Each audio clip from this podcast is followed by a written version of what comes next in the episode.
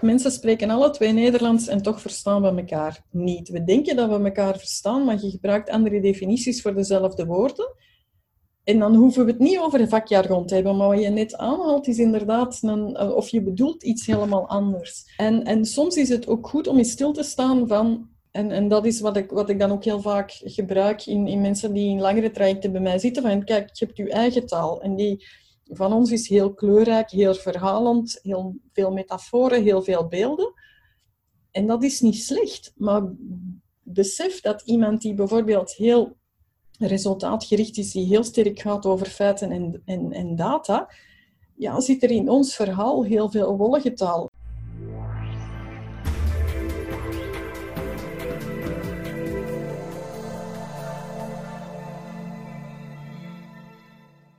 Safety Monkey Podcast, Timothy hier. Hoe gaat het met jullie? We zijn ondertussen een aantal weken ver in de lockdown. Bedrijven beginnen terug opnieuw op te starten. En ik kom er ook van harte dat jullie opstart vlot en goed verlopen is zoals jullie het hadden voorbereid. Het is misschien ook een ideaal moment om even terug te reflecteren naar de voorbije weken. Wat je allemaal gedaan hebt en wat je ook allemaal met die vrije tijd hebt gedaan. Als ik bij ons kijk, hebben we heel veel tijd doorgebracht met gezin. Maar zijn we ook eindelijk zover dat we deze week heel het huis geschilderd gaan hebben. Ralf Kals zei het al in zijn podcast: de huizen en tuintjes in Vlaanderen zullen nog nooit zo mooi bij hebben gelegen als nu. En ik denk ook dat we daar collectief goed van worden. Ik las over laatst dat het uh, absenteïsme uh, gekelderd is tijdens de coronaperiode. En ik durf ook wel te poneren dat een stuk daarvan komt omdat mensen veel minder stress hebben, veel minder um, files, veel minder ongevallen, veel minder stress in het algemeen. Het blijft toch wel een, een zeer boeiende periode. Vandaag hebben we Saskia Smit op de podcast. Saskia is een, een coach en komt eigenlijk vanuit kwaliteit binnengewaaid. Zij komt vanuit een achtergrond die heel veel met compliance te maken had en is zich dan verder en verder beginnen verdiepen in hoe dat uh, teams werken en hoe men moet omgaan met de multigetalenteerde bruggenbouwers. Ze omschrijft dit als de eeuwige student. En iemand dat heel snel afgeleid is, blijft zelden lange tijd aandacht hebben voor hetzelfde onderwerp en maken vaak opleidingen niet af. Hierdoor hebben ze wel de kennis en de informatie, maar het officiële certificaat of diploma ontbreekt. Wel, voor mij was het pijnlijk herkenbaar, maar aan de andere kant gaf zij ook aan waarom dat ik vaak ehm, met mijn collega's bots en um, we spreken vandaag over een al dan niet bestaande collega genaamd Margot, waar dat de samenwerking in het begin soms heel stroef liep, omdat we allebei op een zo'n andere manier dingen benaderden. En een stuk doordat we moesten, omdat we niet anders konden en op elkaar aangewezen waren, een manier hebben gevonden om met elkaars gebreken om te gaan, maar ook om elkaars um, sterktes enorm te benutten. Want dat hadden we beide. We hadden beide onze, onze sterktes die volledig verschillend waren van de ander. En, en soms was de ene zijn sterkte, de andere zijn zwakte.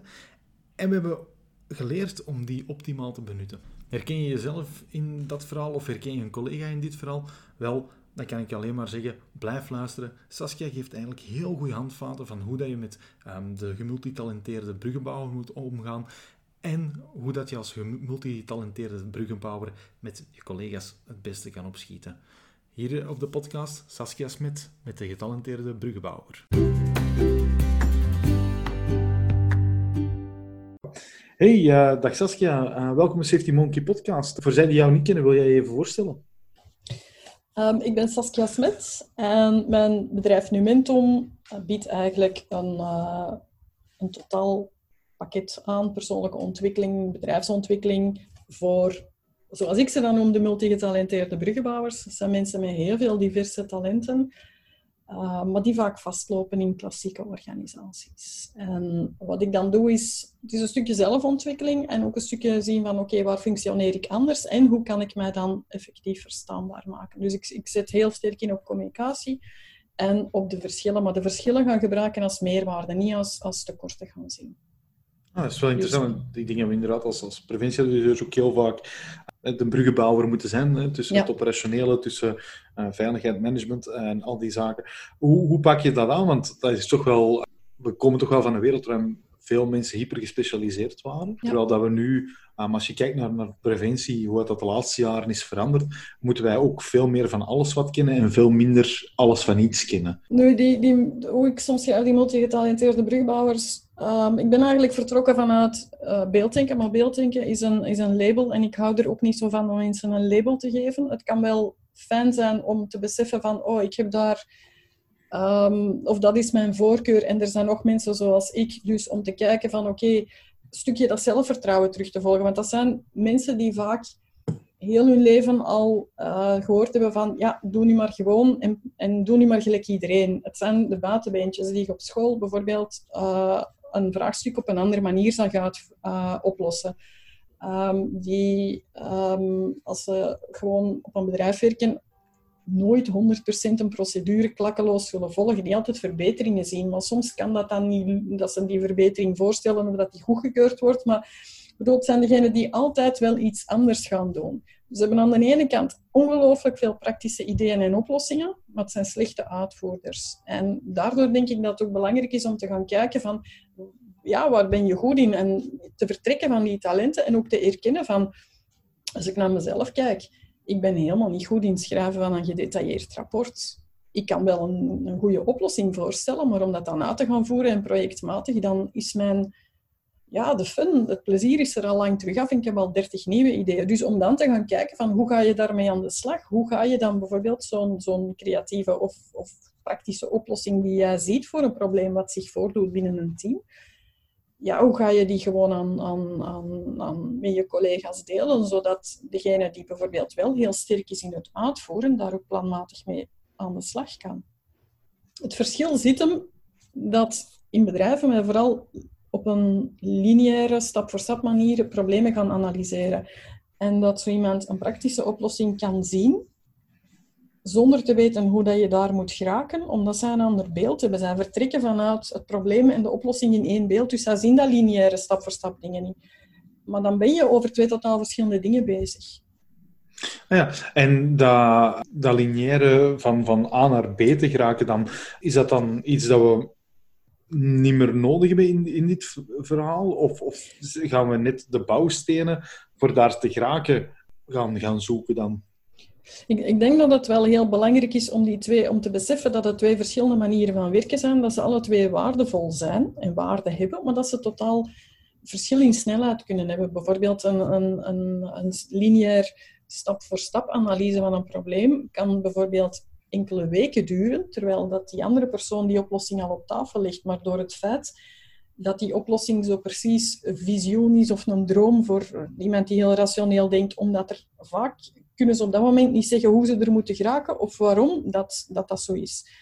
Bijvoorbeeld, um, ja, soms hoorden van, ja, ik weet dat dat de oplossing is, maar kan het niet zeggen. Ik heb even tijd nodig om, om als dat in een vergadering bijvoorbeeld gevraagd wordt, om, om terug naar mijn bureau te wandelen en dan te zeggen van, ah ja, maar om die en die en die rationele redenen hebben we, is dat de oplossing en niet de andere.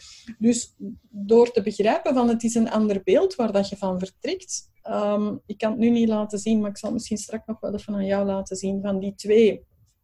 Een lineair proces en, en een, uh, van oplossen en een, hoe een beelddenker het tot, vanuit het totaalbeeld ziet.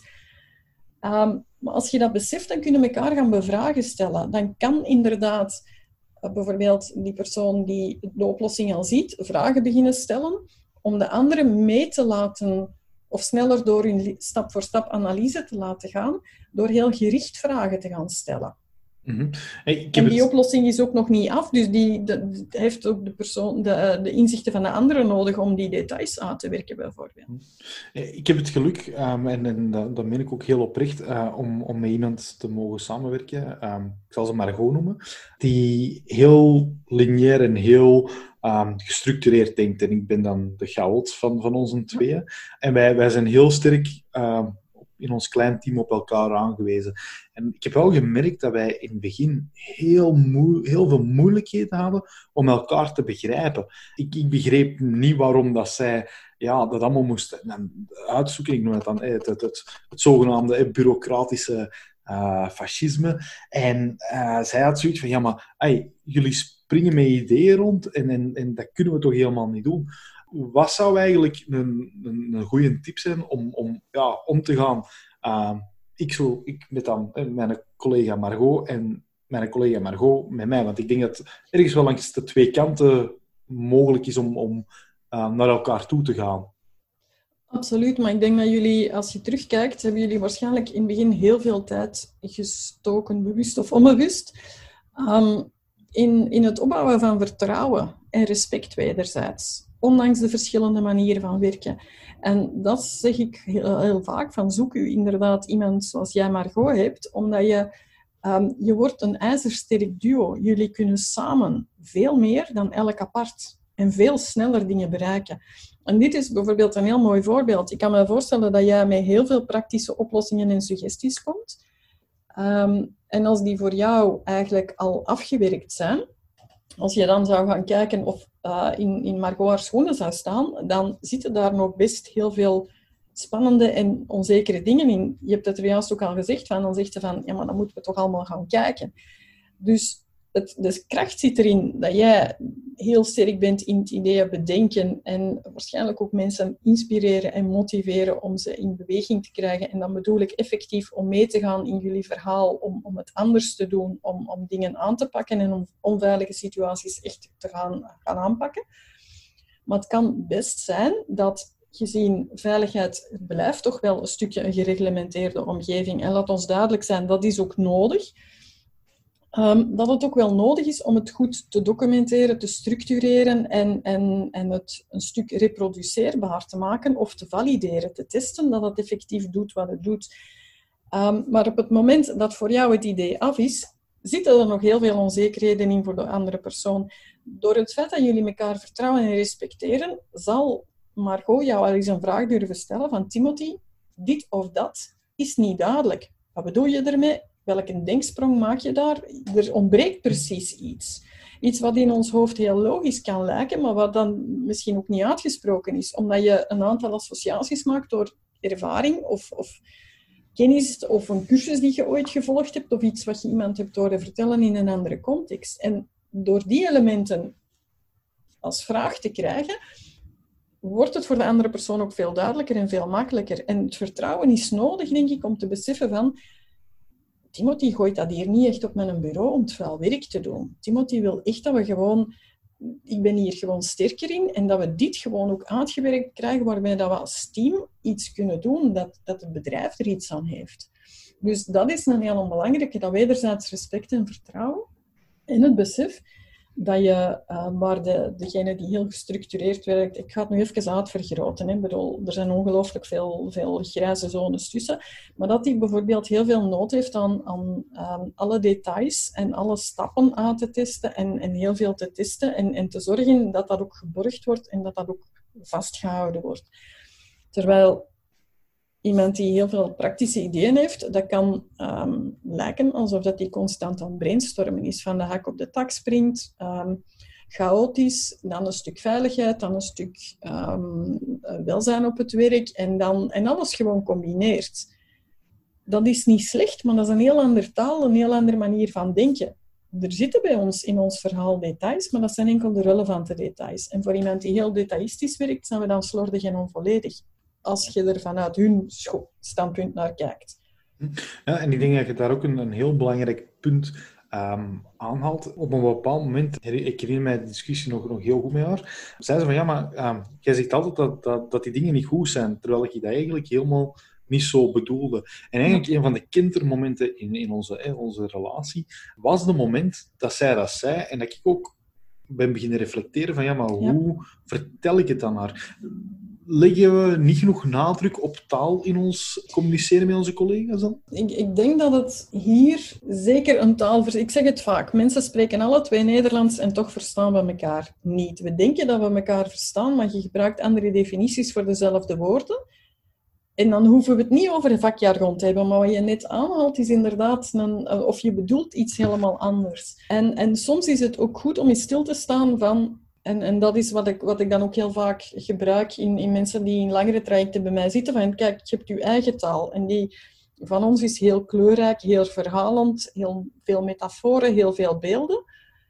En dat is niet slecht. Maar besef dat iemand die bijvoorbeeld heel resultaatgericht is, die heel sterk gaat over feiten en, en, en data, ja, zit er in ons verhaal heel veel wollige taal. En hun ongeduld wordt zwaar op de proef gesteld als ze tien minuten moeten wachten waar, om te beseffen waar dat we naartoe willen.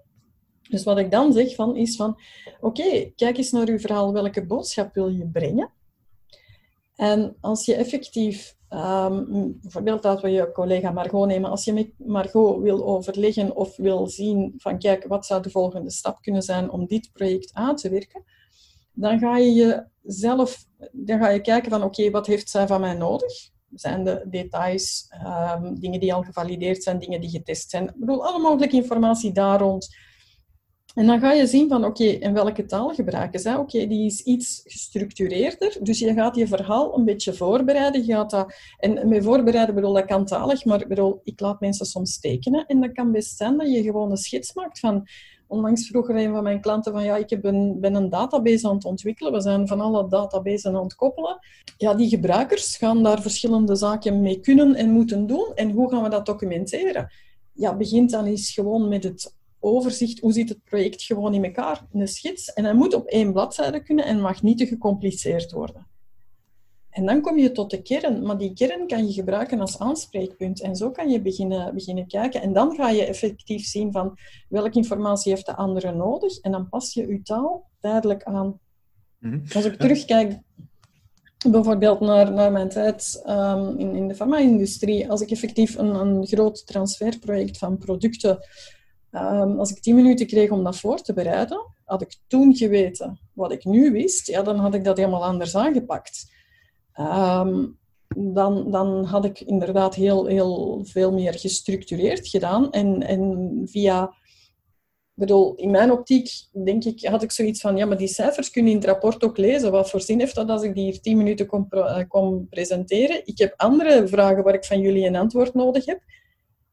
En daar wil ik het nu over hebben, terwijl dat het management op dat moment in die cijfers geïnteresseerd was. En dan zitten gewoon naast elkaar te praten en ergerde elkaar rot gewoon. Ja, dat, dat, is ook heel herkenbaar, herkenbaar wat je nu vertelt.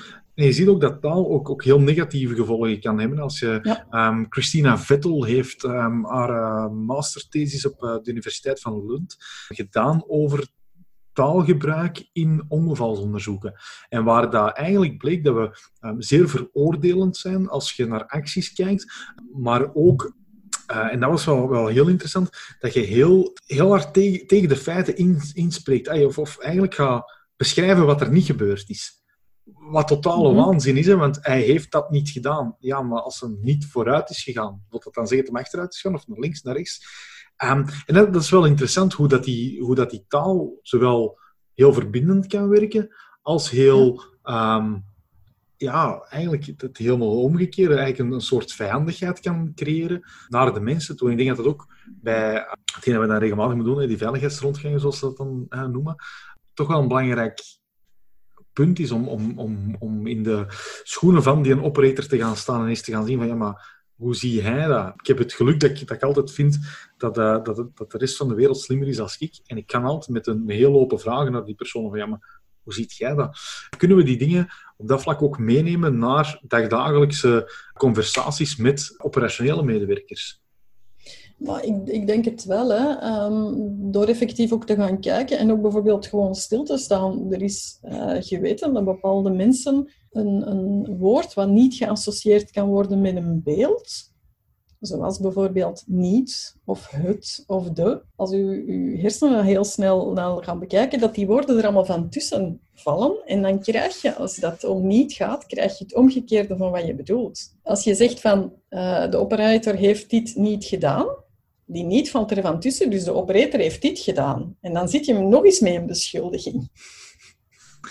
Dus ik bedoel, taal is wel, wel iets... Ik bedoel, ik heb er zelf ook heel lang mee geworsteld, want ik had ook zoiets van, allee, kom aan, daar gaan we nu toch niet over discussiëren. Dat, het is toch duidelijk wat we zeggen. Maar door er nu echt heel erg naar te gaan kijken en, en ook mensen te zeggen van, maakt u geen... Leert, leert u zelf geen trucjes aan om u altijd te gaan aanpassen, want taal hangt ook, bij, hangt ook samen bij wie dat je zei. Ik bedoel, als jij en ik heel zakelijk beginnen, heel to the point, we kunnen dan een tijd volhouden en dat kan goed zijn om, om met iemand die dat als voorkeur heeft, om daarmee in gesprek in contact te komen. Maar als jij bijvoorbeeld op die coole, zakelijke manier naar een operator tijdens een safety gang gaat vragen wat er gebeurd is, ja, die persoon gaat dichtklappen, die gaat niks niet meer willen, durven. Afhankelijk, nee, afhankelijk van, van hoe dat, dat bij die persoon overkomt. Dus ik denk dat het inderdaad niet zo slecht is om, om effectief daar een gulden middenweg te horen en ook te luisteren van vanuit welke optie of van, van, van wat is jouw relaas van de feiten? Hoe heb je dat beleefd? Hoe ervaarde deze handelingen? Weet ik, weet ik veel. Hoe, gewoon om, om daar ook eens naar te luisteren. Mijn ervaring heeft mij ook geleerd om door dat te doen, dat vaak die mensen zelf ook beginnen denken. Want waar dat we mee begonnen zijn, dat zei je ook van in C willen mensen een positieve bijdrage leveren op het werk. De meeste. En dus door op dat moment die erkenning van die persoon, en ik weet dat dat voor veel mensen heel soft is, maar aan de andere kant door die operator te erkennen voor wie de persoon die jij op dat moment is, of die een rol speelt in een bepaald proces of procedure, of een, systeem, geen procedure, maar een systeem, ja, dat, dat dat wel een verschil kan maken doordat dan die persoon zijn verhaal eens kan doen wetende dat daar geen oordeel of geen ten opzichte van hem of haar als persoon aan vasthangt, maar wel het systeem wat gefaald heeft. En hij heeft, hij heeft, heeft misschien wel een inbreng gehad, maar het is niet dat die persoon in wezen nu slecht wordt. Nee, en ik denk dat ook uh, een heel mooi uh, het brengt mij ook ergens terug naar ehm, de moment dat wij uh, op LinkedIn met elkaar in gesprek zijn gekomen. Uh, dat was toen, toen jij reageerde op iets van um, de infographic What Rebels Want From Their Boss. En een van die dingen is van ja, we need a, an environment where it's safe to disagree and, and challenge the status quo. Nu, Rebels, dat klinkt, dat klinkt, dat is een, een redelijk geladen woord, terwijl ik, dat ik, het, wel, dat ik het wel tof vind. Um, maar voor die, voor die omgeving te creëren waar het oké is om, om met elkaar oneens te zijn. Hoe kunnen we die psychologische veiligheid, zoals Amy Edmundsen dat, dat noemt, hoe kunnen we dat eigenlijk meer stimuleren en zorgen dat management dat ook niet gaat bekijken als een vluchtweg van accountability? Want dat is vaak um, hetgeen dat je dan hoort, is dat ze zeggen van ja, maar um, ja, we moeten mensen toch verantwoordelijk kunnen houden voor hun acties. Maar die twee volgens mij zijn zijn niet per, definitie hetzelfde. Het, uh, het, wegnemen van verantwoordelijkheid en psychologische veiligheid zijn geen synoniemen volgens mij. Nee, absoluut niet. En dan zit ook op een ander stuk van leiderschap voor mijn part. Um, er is de verantwoordelijkheid geven en zorgen dat je mensen ook de mogelijkheid geeft om verantwoordelijkheid te nemen. Ik heb ooit um, creativiteitsprojecten begeleid. En dat was een beterschapsproject een aantal jaren geleden. En we kwamen in een campus ijsbedrijf die hadden ons uitgenodigd als groep om te zien van kijk eens mee, denk eens mee wat we hier verkeerd gedaan hebben. En de situatie ging als volgt van we, hebben een, een, een we willen een nieuwe uh, combinatie maken en een heel gekke combinatie, warme of vloeibare chocoladesaus in een ijstaart. En we willen die op de productielijn produceren. We hebben dus een deel van onze operatoren mee in het R&D-team opgenomen die mee die ontwikkeling gedaan hebben. Zij weten dus dat we daar een aantal andere handelingen moeten doen dan uh, normaal gezien gevraagd wordt van de medewerkers of de operatoren aan de lijn. Um, dat, liep helemaal, dat liep heel goed tot we dat product in een piloot op de lijn gingen testen.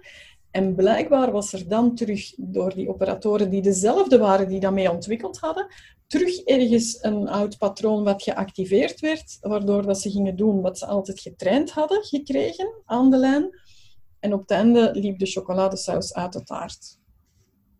En zij zochten dus mee naar, of vroegen ons van, waar ligt dat aan? En dat ligt ook een stukje aan het feit van, ja, je hebt ze wel betrokken, maar aan de productielijn is er blijkbaar nog iets anders wat voor hen geldt van wij moeten doen wat er hier in dat productieticket stond. En natuurlijk, als dat iets experimentair is, dan klopt dat ticket niet. Dus je zit daar op het moment, de instructie aan de lijn is gevolgd, je ticket rigoureus, maar je zit met iets experimenteel en je verwacht dat die mensen op dat moment de klik gaan maken. Dus je zit daar, ja, als je ze verantwoordelijkheid geeft, dan, dan moet je ze ook ergens de mogelijkheden geven om, om mee te gaan experimenteren. En misschien had je ze dan, ja, weet ik veel, hadden we dan...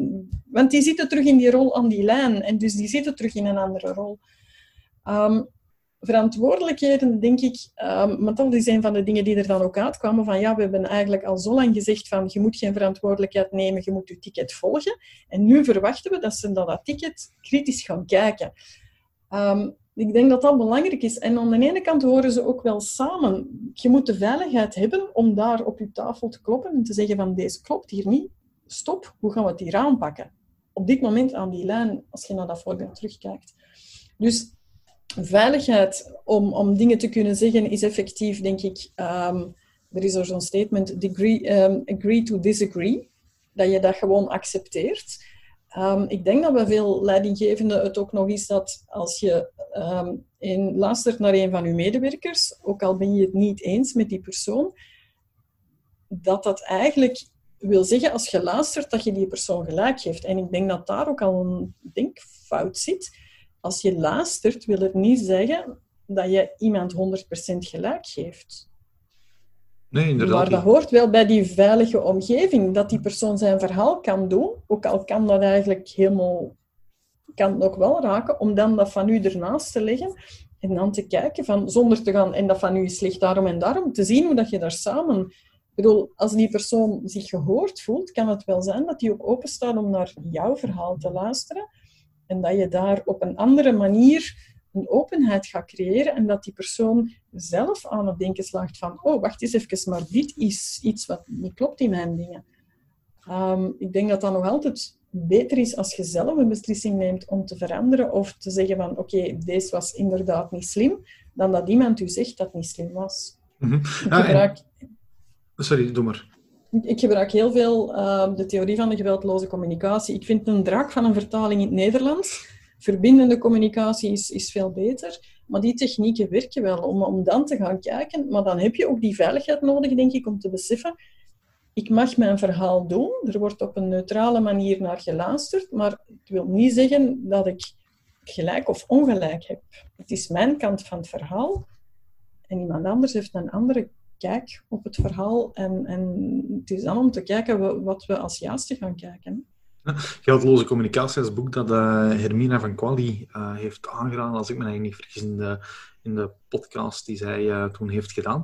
Het boek dat jij um, aanraadt, dat is Range van David Epstein, of in het Nederlands heet dat Waarom generalisten verder komen. En een van de leuke dingen waar we het er straks al over hebben gehad, was dat daar ook een stuk over het hele uh, Space Shuttle verhaal van NASA in staat. Want um, hoewel dat NASA lijkt als één groot bureaucratisch verhaal, hebben zij er toch wel hebben zij een stuk de, de wedloop naar de, uh, naar de Space Shuttle gewonnen door het Pirate Paradigm. Waarbij mhm. dat ze een stuk, is dat een stuk of zeven voorwaarden of, of afspraken die we hier gedaan. En een, een daarvan was eh, van, van break the rules, not the law. Uh, maar aan de andere kant ook van take risks as a rule, not as an exception. En dat staat toch wel haaks ten opzichte van het idee dat vandaag leeft. Je wil aan de ene kant dat mensen betrokken zijn en inventief zijn, maar aan de andere kant ze ook risico, moeten ze ook risicoavers zijn. Want het staat zo geschreven, dus we zullen het zo doen. En als daar aan de andere kant ook tegenover staat dat wanneer er iets fout gebeurt, kwalitatief milieugerelateerd, veiligheidsgerelateerd, ja, dan grijpt men terug naar die procedure die dan heel statisch is en heel duidelijk zegt van ja, je moest A doen en je hebt B gedaan. Waarom? Zou, moeten we allemaal wat meer piraat worden? Of moeten we zorgen dat, dat we wat meer piraten krijgen, zonder dat we met ooglapjes rondlopen? Um, ik, ik weet niet wanneer dat NASA dat pirate-paradigma heeft ingevoerd. In, in, uh, in Range spreekt David Epstein van um, en ik gok dat Pirate Paradigm het later is dan uh, het ongeval met de Space Shuttle. In Range wordt daar heel veel naar gekeken. Van, um, het ongeval met de Space Shuttle midden jaren 80, denk ik. Um, die film is trouwens ook wel de moeite om naar te kijken, om te zien van, uh, hoe dat ze eigenlijk door ik dacht dat er een of andere filterstuk was en dat de reservestukken was iets rond en het was een vierkant gat of omgedraaid. Ik ben daar niet zo goed in, maar ik weet ongeveer hoe dat dingen. En dus als ze dat geanalyseerd hebben, dan hebben ze bijvoorbeeld ontdekt dat ze hadden kunnen weten of was het een andere lancering? Nu ben ik even Nee, het de- de- dat het gaat over de Challenger. Die, uh, De Challenger ging het over. Hè? Het is niet over die filters, want het ging Nee. over de Challenger. Ja, maar het, ging het over de klopt, klopt wel wat je zegt, want dat gaat over die oorring, die een, ehm, Ja, dat is een foutieve ja. oorring die ze hebben besteld. Ja. En achteraf zijn ze er inderdaad achter te weten. Maar Dus, dus het, het, het feit wat in range aangehaald wordt van die dingen, is, het gaat inderdaad over die oorringen. Over het feit dat op het moment dat die lancering nog had teruggedraaid kunnen worden, had een aantal ingenieurs bij de leverancier het baakgevoel, want je kunt het niet anders noemen, dat ze niet moesten lanceren. Maar omdat ze op dat moment geen evidence-based bewijs konden op tafel leggen, ehm, heeft iemand hogerop bij de leverancier op papier gezet van het is veilig om te dingen, want dat document hadden ze nodig bij NASA om voor te gaan. En achteraf hadden ze een hele hoop gegevens, als ze terug gaan kijken waren, waaruit dat ze wel hadden kunnen zien dat ze beter niet hadden gelanceerd en, en een heleboel dingen. Maar dus de cultuur die zo evidence-based, als het niet evidence-based was, werd de beslissing, was het geen argument om rekening mee te houden. Dus vandaar dat ik gok dat dat para- pilot paradigm later gekomen is. Of misschien helemaal eerder, dat kan ook, maar dat ze dat dan in de loop der jaren eigenlijk... Het zou kunnen dat het ook eerder was van het moment dat ze de race gewonnen hebben en dat dingen. Dus er moet een cultuuromslag geweest zijn tussen die twee volgens mij. Want met, met- als die Challenger, ehm, als het daar fout mee gegaan is, ehm, dat was eigenlijk omdat ze, ze hadden de informatie intuïtief of in losse fragmenten, maar ze konden het niet hard maken. En dat daar nu eigenlijk wel meer ook naar gekeken wordt van hoe kunnen we dat soort informatie... ehm, en dat wil ik niet zeggen dat je naar het omgedraaide moet gaan, maar dat je effectief vanuit een breder perspectief terug gaat kijken waar zitten de, de dingen die we niet gezien hebben of waar zitten de zaken die we ehm, gemist hebben. En ik denk dat daar die generalisten veel sterker in zijn dan die experten. We zullen ze alle twee nodig hebben, laat dat heel duidelijk blij- zijn. Hè? Experten en generalisten, we gaan ze alle twee nodig hebben. Ehm, maar ik denk dat het meer en meer, zoals kwaliteit en veiligheid en, en welzijn op het werk nu samengekomen zijn de laatste jaren, waar dat die in de jaren 90 nog allemaal apart waren, of toch verzuild waren, denk ik, meer dan nu. Denk ik dat op termijn er nog veel meer dingen samen gaan komen en dan heb je gewoon bruggenbouwers nodig, mensen die de taal spreken, en daar zitten we terug bij taal, de taal spreken van die experten. En een generalist, ook zoals ze in range beschreven zijn, maar ook in mijn definitie, is een generalist iemand die meer dan een degelijke basiskennis heeft over een aantal zaken. Dus bijvoorbeeld meer dan een gebruiker van een computerprogramma ook wel wat stukjes uh, van de, de achterkant van, van de werking van dat programma kent. Uiteraard niet zoveel als experten, uh, maar wel genoeg de taal van die een expert spreken om daarmee mee te kunnen denken en van de gebruiker, terwijl de taal van de expert en de, de eindgebruiker vaak veel te ver uiteen liggen. Ja, absoluut. En ik denk dat daar echt wel, wel de, de dingen gaan liggen van, van die uh, bruggenbouwers. Nu, die generalisten gaan dan ook wel, moet ik wel zeggen, gaan ook wel vrevel creëren bij, bij zowel die users als die uh, experten. Hè? Want experten, ik weet niet hoe het met jou is, maar ik word vaak door echt experten in bepaalde materies aanzien van, ja, weet je, je zet alles direct beu. Als je het gezien hebt, dan gaat je het anders doen. Hm? Terwijl zij echt hun eigen kunnen vastbijten. En ik heb daar heel veel respect voor. Ik zou het niet kunnen. 15 jaar op hetzelfde onderwerp, ik zou het niet kunnen. Aan de andere kant, die gebruikers krijgen ook wel een beetje schrik soms van die generalisten. Want één, die werken veel te snel. Die combineren veel te snel. En ik, weet niet wat het met jou is, maar ik heb vaak al een cursus gevolgd dat ik binnenkom met nul ervaring en dat ik eigenlijk, zonder pretentieus te willen doen, maar dat ik na een dag al veel verder sta dan mijn collega's medecursist. Tenzij dat het heel, heel uh, een, cursus is die heel klassiek gegeven wordt, heel traditioneel, zoals het onderwijs uh, vroeger heel, heel, en nu dit, en nu dat, en nu zus, en nu zo. Maar als je gewoon mocht uh, combineren en doen met, met de die je al hebt, dan staat het heel snel verder. Maar dat maakt dat je dus ook zo gaat werken. Ik bedoel, als, als zo'n profiel, en dat zijn die multigetalenteerde bruggenbouwers ook hoor, als zo'n profiel op de werkvloer binnenkomt en het is een onderwerp of een thema wat, wat die interesse meedraagt, dan gaan die zich daarin vastbijten. Die gaan ongelooflijk veel kennis verzamelen op alle mogelijke en onmogelijke manieren. En ja, voor collega's is dat dan ineens van, wow, die snelheid van leren, die snelheid van, veel mensen kunnen dat niet volgen. En dat is niet erg. Maar als dat werksnelheid, tempo en leertempo de nieuwe norm wordt, dan zijn er wel een aantal mensen die gewoon gebruiker zijn van bepaalde systemen, die gewoon uh, ja, probleem gaan krijgen. Hè?